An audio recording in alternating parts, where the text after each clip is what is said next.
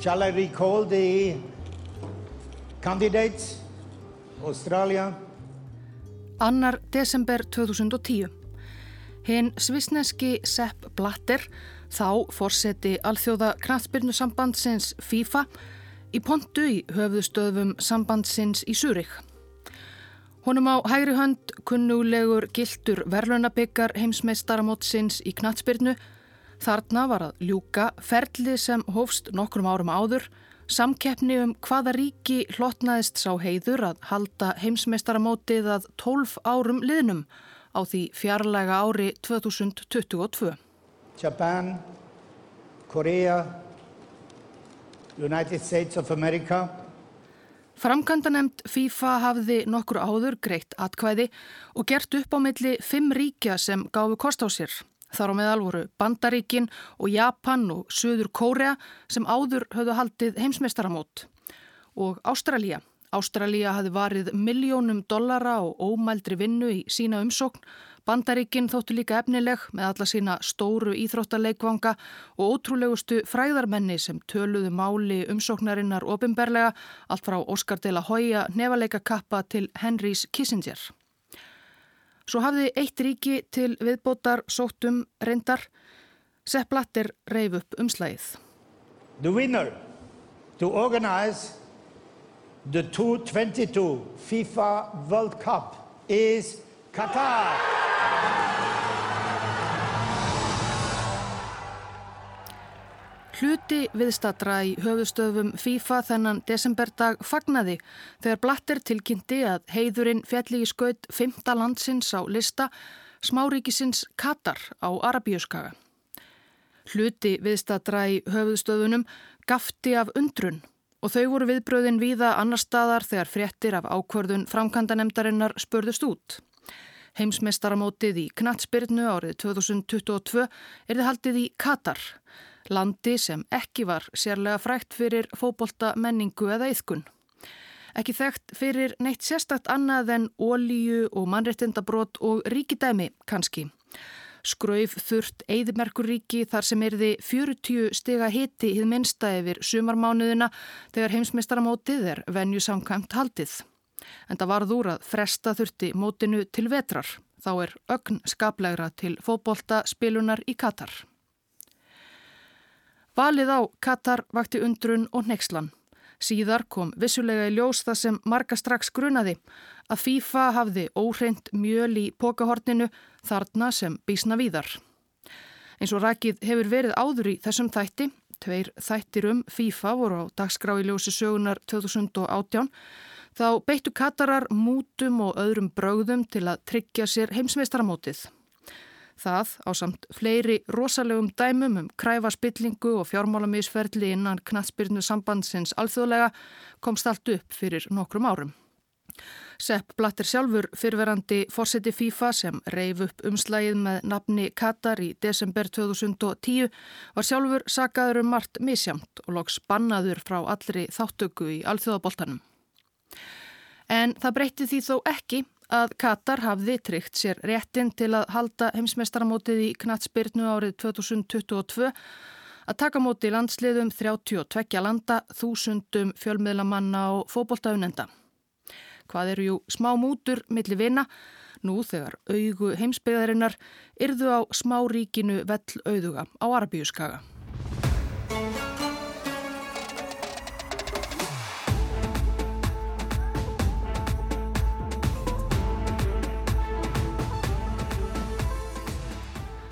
Árin 1862 og 63 fór brettin William Gifford Palgrave um Arabíuskaga.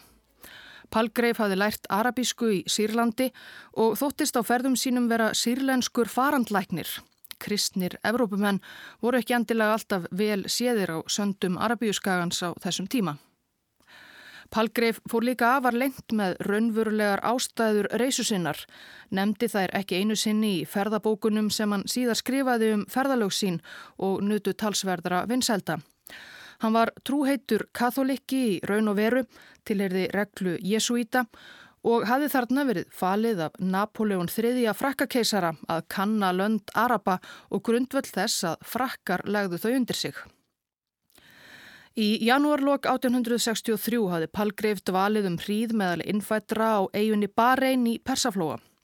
Hann sildi þá aftur til meginlandsins og lendi á austurströnd Lítils Skaga sem skagar eins og þumalfingur út í Persaflóa.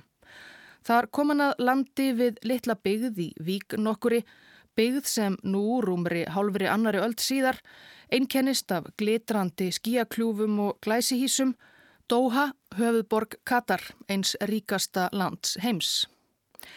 En það var ekki ríkidæmi sem blasti við breska njósnaranum Palgreif á Katarskaga 1863. Þetta er Vesæl höfuðborg Vesæls hérads. Til að gera sér hugmyndum Katar verða lesendur að sjá fyrir sér margar, margar, lágar, gróðusnöðar hæðir, hrjóstrugar og skrælnaðar. Varla nokkur tré sem að brítur upp þurrt einhæft landslægið, neðan hæðana tegir sig forug kviksindi strönd kvartmílu til sjávar, umkringd þangi og leðju. Ef við lítum í áttalandi má sjá handan hæðana það sem með ofur mikilli kurteysi mætti kalla beitarland. Eðilega sléttur þar sem 20 steinar eru á hvert gras strá og á þessu daburlega landi standa litlar þyrpingar af rörlegum, afar rörlegum, leirkotum og pálmakofum, þröngir, ljótir og láir. Þetta eru þorpin í Katar eða allir heldur bæir, svo vilja íbúarnir kalla þá. Eitthvað var það þó, eins og Palgreif skrifa síðan í ferðasögu sinni, sem fekk fólk til að vilja hýrast á þessum guðsvolaða stað Guðsvolaða að hans mati alltjent. Því vissulega byggu íbúar þessa fátæklega skaga yfir nokkrum auðæfum. Auðæfin voru þó ekki á landinu sjálfu heldur í hafinu.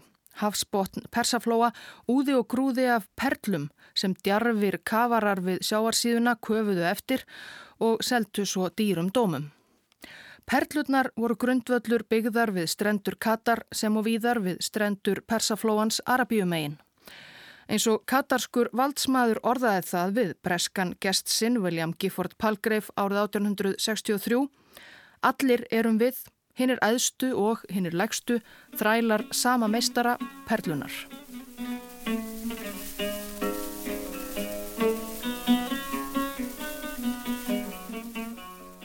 Katarskægi hluti af hinnum miklu stærri Arabíuskaga skagar út í Persaflóan og er um 11.000 ferkilometrar eða á stærð við suður Þingeyjarsíslu.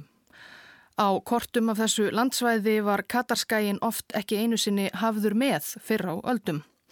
En það byggu þar lengst af fáir. Skægin, þurr og hrjóstrugur eins og landið í kring varum aldir í mestalagi áningarstaður eðimerkur hyrðingja, ættbálka betuína og faraldsfæti og hér og þar við ströndina spruttu upp og hurfu síðan lítil þorp eftir því hvar og hvernig veitist af perlum og fiski hverju sinni. Á átjándu öld fóru í samfélagi eðimerkur hyrðingjana arabísku að koma fram þær ættir sem áttu eftir að móta samfélag og stjórnmál arabíuskagans næstu aldirnar og verða að konungs eða fyrsta ættunum sem stjórna persaflóaríkunum enn þann dag í dag. Muhammad bin Saud og ætt hans stopnendur Sáti Arabíu Al-Khalifa ættin sem lagði undir sig eiguna barinn, Saba ættin sem fer með völd í Kuveit og svo framvegis. Þessu fyldu talsverðar róstur á skaganum, sérstaklega þegar Muhammed bin Saud og bandamaður hans, eldklerkurinn Muhammad ibn Abdal Wahab og ofstækisfullir fylgismenn hans fóru að gera sig gildandi og leggja undir sig landsvæði. En Katarskægi var enn nokkur útnári. Strendur hans voru, þegar 19. öldin gekk í garð, helst þekktar fyrir að vera bæli sjóræningja sem herjuðu á skipa og bátaumferð á Persaflóa. Fyrstu frægu kataratnir voru sjóræningjar. Rahma bin Djaber hefur í meira en 20 ár verið ógnvaldur flóans og kannski farsalæsti sjóræningi sem silt hefur á nokkru heimshafana. Breski nýlendublaðamæðurinn James Silk Buckingham skrifaði upp úr 1820 um kynni sín af allræmdasta sjóræningja í sögu Katar, raunar líklega í sögu Arabíu skagans alls, Rahma bin Jaber al-Jalhami. Hann var fættur um 1760. Ætt hans, Al-Jalhami slektið, var þá í bandalægi með kalifaættinni í Bahrein en þegar slettist upp á þann vinskap fyltist Rahma heift í garð kalifana.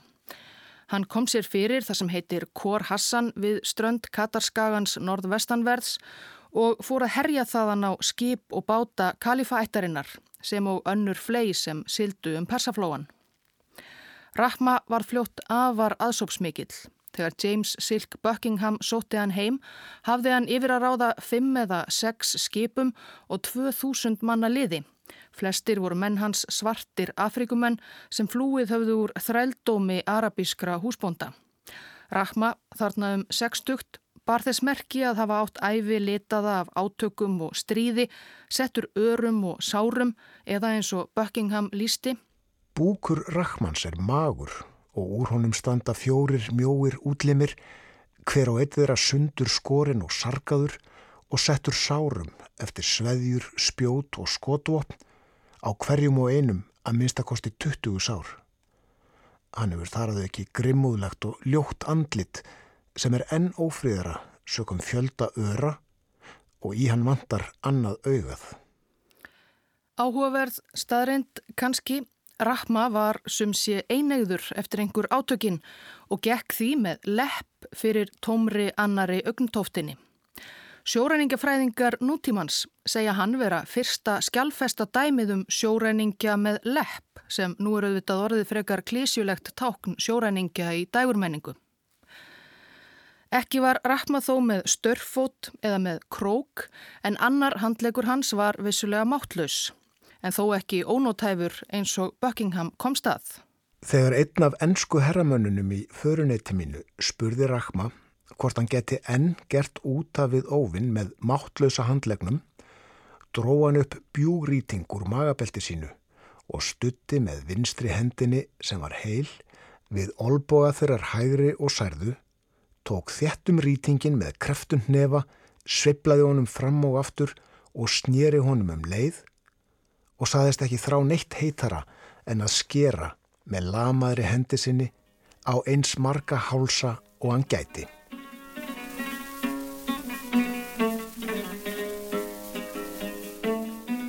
Einn líkillana því hver lengi Rahma bin Jaber gatt stundað sjórán sín var að hann vissi hverja hann ætti að forðast. Stæstu og ramgerðustu skipin sem sáust á persaflóa á þessum tíma voru skip hins breska austur Indiafélags sem sildu með varning frá Indlandi til hafnar í búsér í Íran þar sem brettar hafðu komið sér upp starfsemi.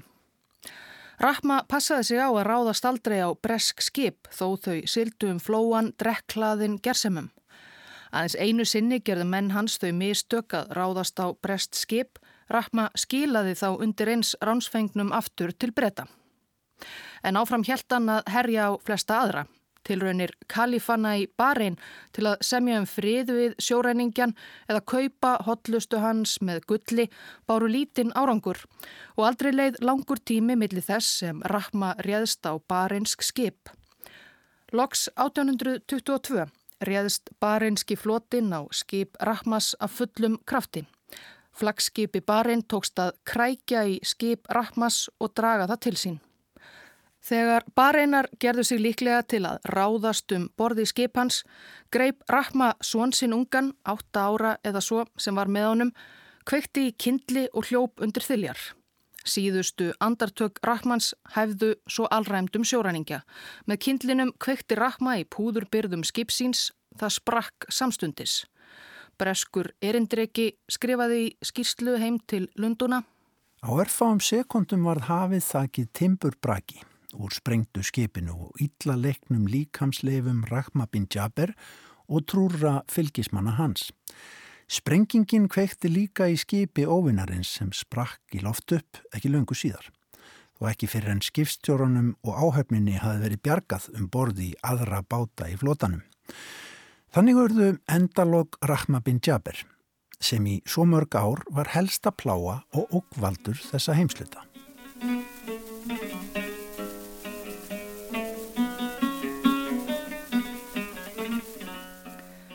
Ættin sem með tímanum varð konungsættins sjálfstæða Katar Á uppruna sinn eins og sátarnir í Sáti Arabíu og fleiri aðsópsmiklar arabískar ættir í Nats en svo heitir landflæmið í miðju Arabíuskagans.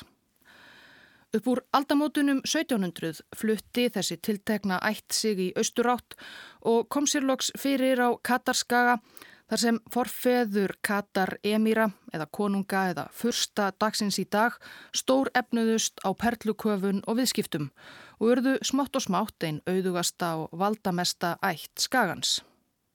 Fyrstum sinn voru bækistöðvar ættar þessar á vesturströnd Katarskaga en 1840 eitthvað flutti þáverandi höfuð ættarinnar, Mohammed bin Tani, fjölskyldu sína á businessin þvert yfir skagan á austurströndina þar sem voru strandbyðirnar Bíta og Dóha, leir kofa skriplin sem brettin Palgrif lísti með slíkri fyrirlitningu hér á undan og áttu svo síðar eftir að renna saman í eitt og verða höfuðborgin Dóha. Þar lagði Mohammed bin Tani grunninn að ættarveldinu sem hann kendi við föður sinn Tani. Al-Tani ættin eins og hún hefur síðan kallast ættarveldi sem enn er við líði í Katar.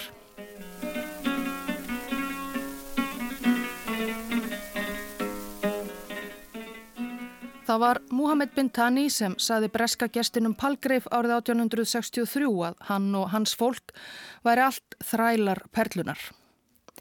Al-Khalifa-ættin sem þá réð ríkjum á Bahrein hafði haft viðkomu á Katarskaga á leiðsynni þangað og gerði enn tilkall til yfirráða á skaganum. Það er ekki nema um 40 km sund sem skilur að norð-vesturströnd Katar og eiguna Bahrein og gerði um leið til kall til hans gjöfulu perlumiða. En perlukonungar Katar með Altani fjölskylduna í brotti fylkingar höfnuðu bareinskum yfiráðum. Það var kalifunum ekki sérlega að skapi. Í oktober 1867 réðst floti nær hundrað skipa frá Barein og bandamanna kalifaættarinnar í Abu Dhabi til allögu gegn Katarmönnum og lögðu samkvæmt skrifum breskra diplomata frá þessum tíma Dóha og fleiri bæi á skaganum nær alveg í rúst. En sjóhernaður kalifanna gegn katarmönnum var brot á samningi sem Bahrein og nokkur minni fyrstadæmi við Persaflóan sunnar á Arabíuskaga, þau Abu Dhabi, Sharjah, Ajman, Dubai, Umm al-Kuvein og Ras al-Khaima höfðu gert við breyta um miðbygg 19. aldar og lagði bann við sjóránum og hverskins hernaði á persaflóa. Bretum var mjög í mun að tryggja að bresku kaupskipin sem sildi milli hafna á Indlandi og Persíu erðu látin óáreitt og lendu ekki í ófriði með dýrmætan varningsin. Bretar hemdu fyrir þetta samningsbrot með því að steipa Muhammad bin Khalifa aðsta leðtóa barinn og koma meðfærilegri bróður hans Ali fyrir á valdastóli í staðin. Síðan höstið 1868 gengu brettar til sambærilegra samninga við Katara til að tryggja enn betur frið og ró á flóanum. Sá katarski höfðingi sem brettar sömdu við var Muhammed bin Tani. Samningurinn við bretta undirstrykkaði því ekki aðeins að Katar væri sjálfstætt landsvæði, óháð og ekki hluti af veldi kalifanna í Bahrein, heldur einnig yfirráð Tani ættarinnar á Katar.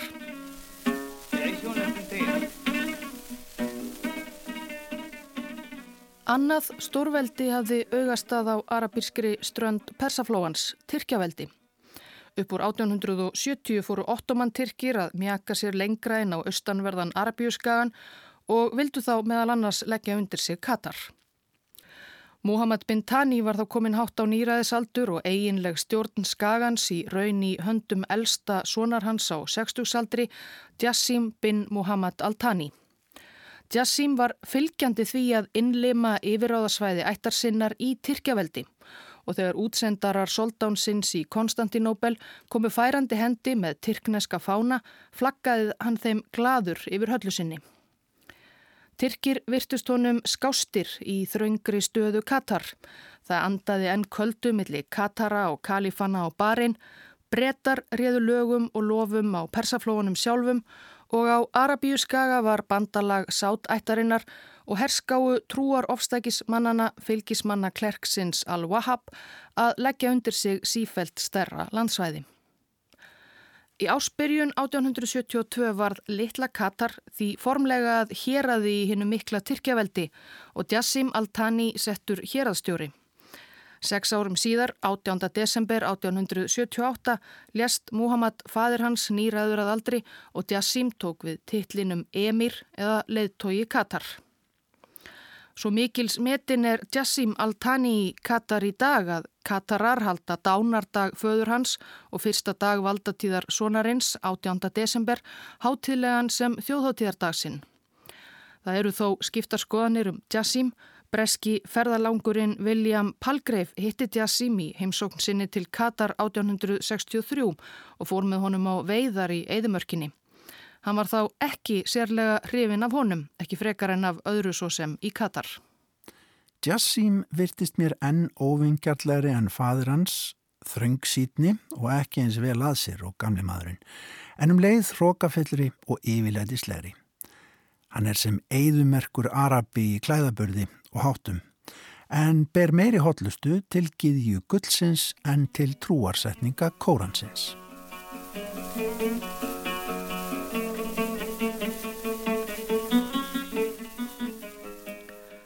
En Jassim og Katarar urðu svo fljótt þreyttir á afskipta sem er Tyrkja af þeirra málum og svo ekki síst af því að þurfa að greiða skatt til Konstantinopel. Með tímanum hættu Katarar hreinlega að senda skattgreðslur til Tyrkjasóldáns. Í februar 1893 byrtust útsendarar Soldáns í Katar og kröfðust ógóldina skatta. Jassim Al-Thani neytaði að borga og mönnum hans og Tyrkjum lendu því saman í mars þar sem heitir Al-Wajba um 15 km vestur af Doha. Nokkur hundruð Katarar fjallu á móti um 100 Tyrkjum en orustunni lauk þó á að Tyrkir hörfuðum. Soldán veitti í kjölfarið Altani sakar uppgjöf fyrir vangoldnu skattana og skipti sér síðan minna af málum á Katarskaga.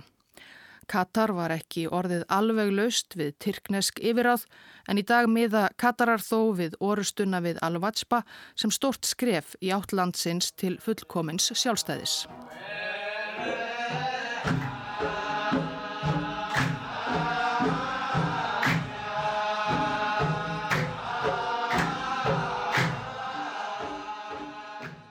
Eitt af því fjölmarka sem var umdeilt í aðdraganda heimsmeistaramótsins í Knatsbyrnu í Katar 2022 var nótkun Katara á erlendu vinnuafli við undirbúning mótsins og framkvæmdir, byggingu, íþróttaleikvanga, hótela og svo framvegis. Innfættir Katarar dagsins í dag, rúmlega 300.000 samkvæmt manntali frá árinu 2017, búa langt flestir við all nokkrar listisemdir í krafti ólíuauðs landsins og þeir vinna sjálfnast erfiðisvinnu. Erfiðisvinnan og flest skítverk eru í höndum þess hóps sem myndar mikinn meiri hluta íbúa Katarskagans Erlends vinnuafl sem dvelur í landinu til lengri eða skemmri tíma. Sankvæmt sama manntali 2017 voru erlendir íbúar Katar 2,3 miljónir eða 88% íbúa Skagans. Flestir aðkomi fólkið frá löndum Suður Asju, Indverjar, Nepalar, fólk frá Bangladesh, Sri Lanka og Pakistan. Einnig fjöldin allur af Filipseyingum, Egiptum og fólki allstaðar annar staðar að. Aðkomi fólkið er til Katar komið til að vinna fyrir herri laun en þeim býðst í heimalandinu. Kjörin eru þó sjálfnast til fyrirmyndar, nýja vinnuðastæður. Talið er að fjöldi verkamanna hafa látið lífið við byggingu, leikvanga og annara mannvirkja fyrir heimsmystaramótið í fóbolta, þó umdelt sé nákvæmlega hversu margir.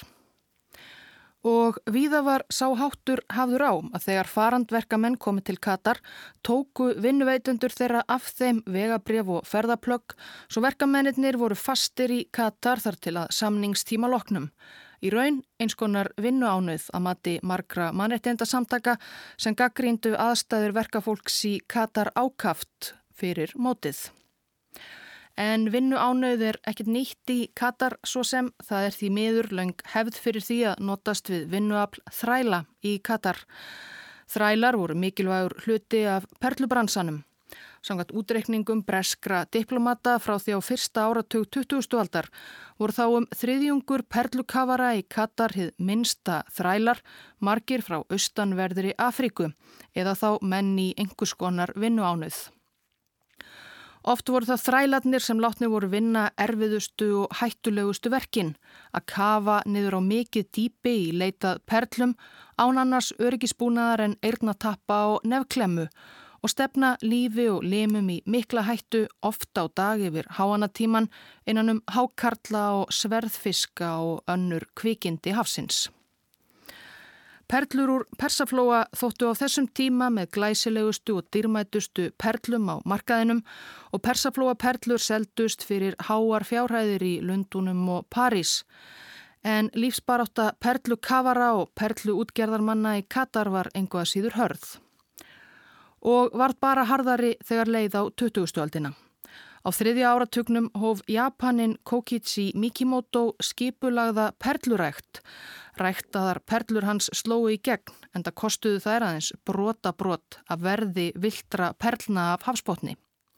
Kreppan mikla dró svo ennur eftirspörn eftir perlum, fínar frýr á vesturlöndum hugsuðu ekki lengur eins mikið um perlufestar og annað glingur. Perlubransin í Katar loknaðist á nær út af. Aðstæður þrælana urðu verri og verri með versnandi afkomu húsbónda þeirra. Upp úr kreppunni miklu var nokkuð um að þrælar skrifuðu útsendur um breskra stjórnvalda, smöðu aðsetur í búsér í Íran, hinum eigin persaflóans og reyndu að byggja þá um að veita sér einhvern veginn frelsi. Yfirlýsing þrælsins Nasser bin Almas, aldur um 30 ár, 1930. Ég var fættur í Búdea. Fóreldrar mínir voru þrælar Muhammad bin Rasid. Faði minn lest þegar ég var ungur en móðir mín er á lífi. Ég hef unnið fyrir Muhammad bin Rasid síðan ég var mjög ungur. Húsbóndi minn gifti mig einni af þrælastúlkunum sem heitir Asma og hún fætti dóttur sem lest sem kornabarn og són sem er einsár skamall. Ég er kafari en það sem húsbóndi minn lætu mig ekki fá nægan mat eða klæði og er mjög strángur og grimmur við mig hef ég hlaupist á brott og skilið konu mína og són eftir. Ég byrð stjórnvöldum að veita mér skýrtinni um frelsiskjöf til að gera mér kleift að lifa sem frjáls maður. Ekki fer sögum af því breskum skjálasöfnum hvernig máli Nasser bin Almas lauk en breytar blönduðu sér ógjarnan í deilur perluútgerðarmanna og þræla þeirra. Svo líklega hafa þeir ekki orðið við Óskans um frelsi. En Þó Perlan væri að missa mikilvægi sitt áttu Katarar eftir að uppgötva aðra öðlind von bráðar sem tæki við sem meistari þeirra allra.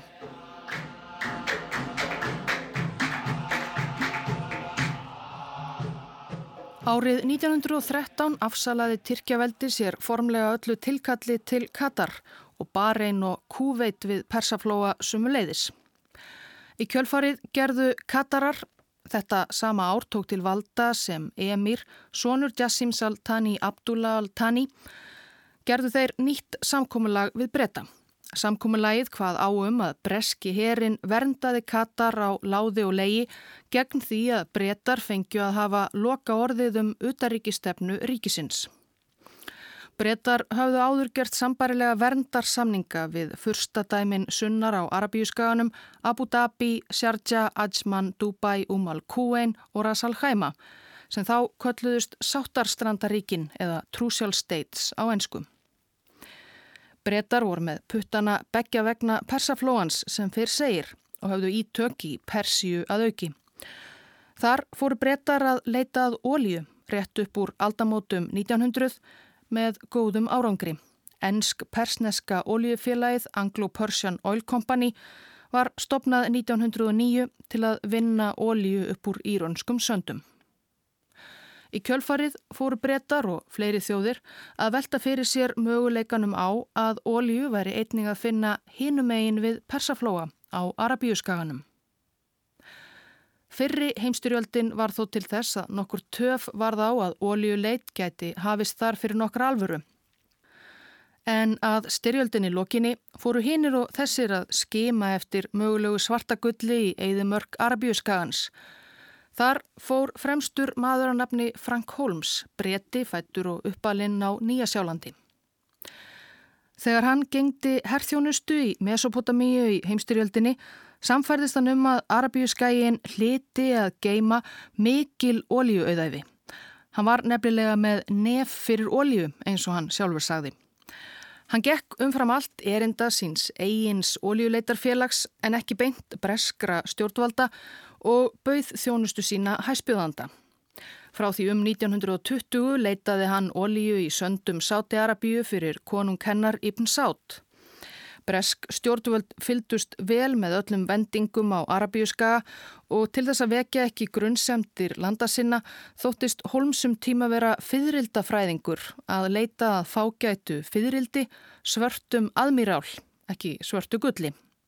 Það verðist þó ekki hafa verið mjög samfærandi. Þegar brettar fengu veður af sönnum tilgangi Holmes í sandinum stukkuðir til og sömdu sjálfur við Íbn Sátt Sáttakonung fyrir hönd ennsk-persneska oljufélagsins síns.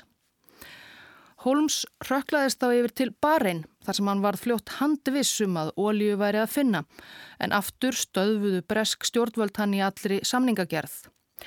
Þá 1925 færði hann sig ennum sett til Katar. Landslægið á Katarskaga og í Bahrein var margt líkt. Ef ólíja lindist undir jörðu í Bahrein, það eru allar líkur á að hún gerði það einnig í Katar.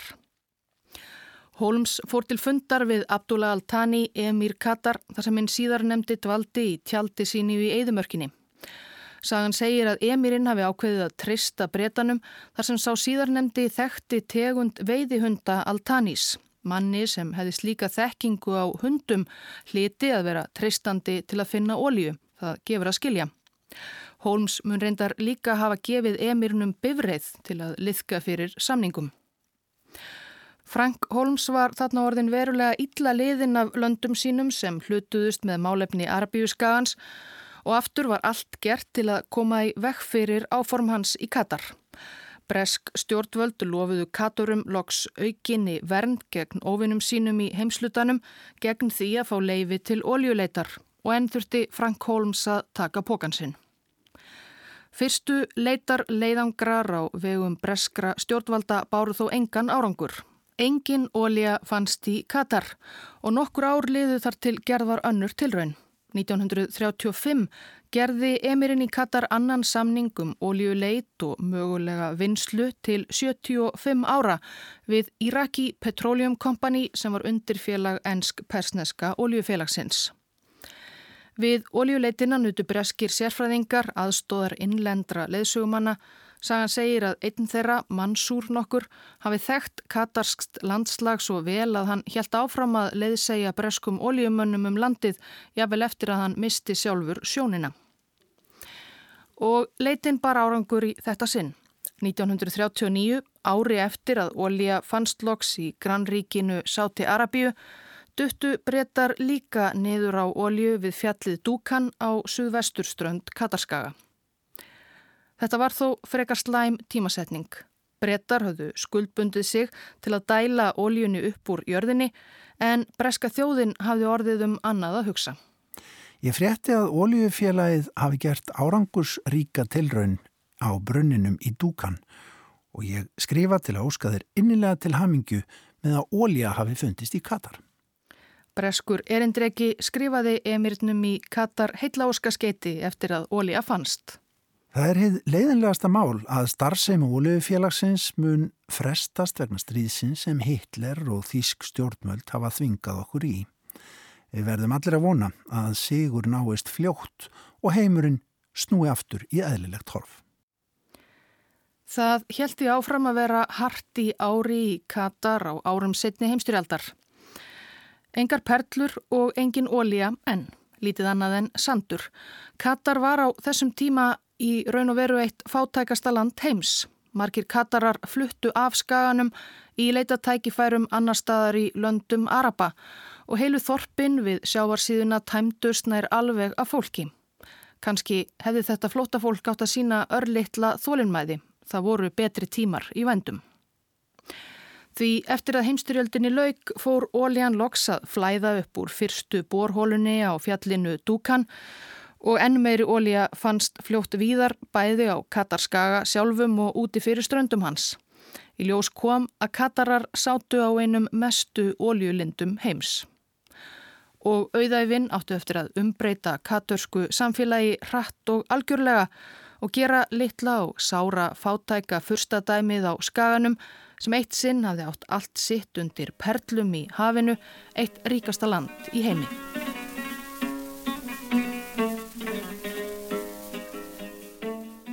–1968 eftir að hafa hlutast til og frá með málefni ríkjana við Persaflóa í meira en öld, tilkynntu breytar að þeir hygðust nú yfirgefa öll verndarsvæði sín við flóan.